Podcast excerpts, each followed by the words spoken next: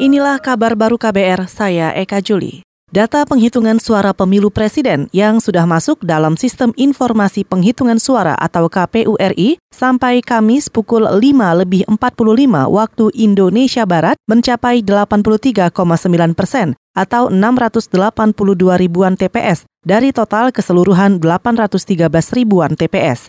Perolehan suara sementara masih tetap menunjukkan pasangan Joko Widodo Ma'ruf Amin memperoleh 56,2 persen atau 72 jutaan suara. Sedangkan lawannya, Prabowo Sandi, mendapat 43,7 persen atau 56 jutaan suara.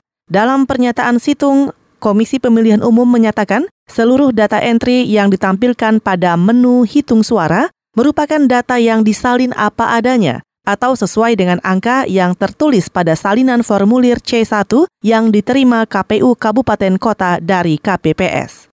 Presiden Joko Widodo mengingatkan calon presiden nomor urut 02 Prabowo Subianto supaya mengikuti proses hukum sesuai konstitusi untuk menyikapi hasil pemilu. Jokowi mengatakan hal itu untuk menanggapi sikap Prabowo yang menarik saksinya dan akan menolak hasil rekapitulasi suara oleh Komisi Pemilihan Umum atau KPU. Jokowi menyarankan Prabowo untuk melaporkan dugaan kecurangan pemilu pada Badan Pengawas Pemilu. Bila masih ada keberatan dengan hasil penghitungan suara di KPU, bisa mengajukan gugatan ke Mahkamah Konstitusi.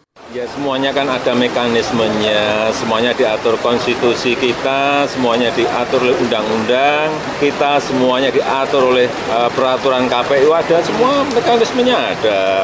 Mestinya semuanya melalui mekanisme yang sudah diatur oleh konstitusi.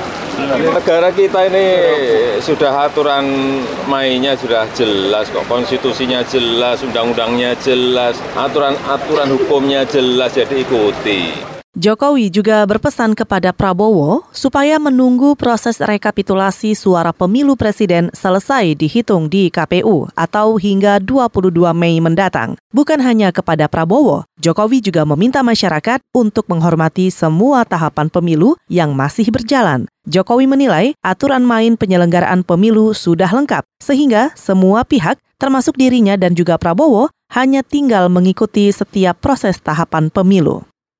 Dirjen Aplikasi Informasi di Kementerian Kominfo, Samuel Abrijani Pangerap mengatakan, pembahasan rancangan Undang-Undang Perlindungan Data Pribadi sudah selesai dibahas anggota Dewan. Menurut Samuel, sesudah melewati pembahasan yang panjang, DPR segera mengesahkan rancangan Undang-Undang Perlindungan Data Pribadi akhir September nanti. Alhamdulillah sudah selesai, harmonisasi sudah selesai, suratnya sudah dikirimkan Presiden untuk dimintakan surprise, apa, surprise-nya surat presiden untuk dikirimkan ke DPR dua hari yang Senin. Ya hari Senin kami sudah ada RDP dengan Komisi 1 Komisi 1 pun punya harapan yang sangat uh, tinggi karena dia mau selesaikannya sebelum tanggal 30 September, September sebelum pelantikan. Dirjen Aplikasi Informatika Samuel Abrijani Pangerap juga menuturkan saat ini semua pihak menganggap penting adanya perlindungan data pribadi. Alasannya, hampir semua aktivitas menggunakan akses data untuk mendapatkan sesuatu informasi maupun layanan digital.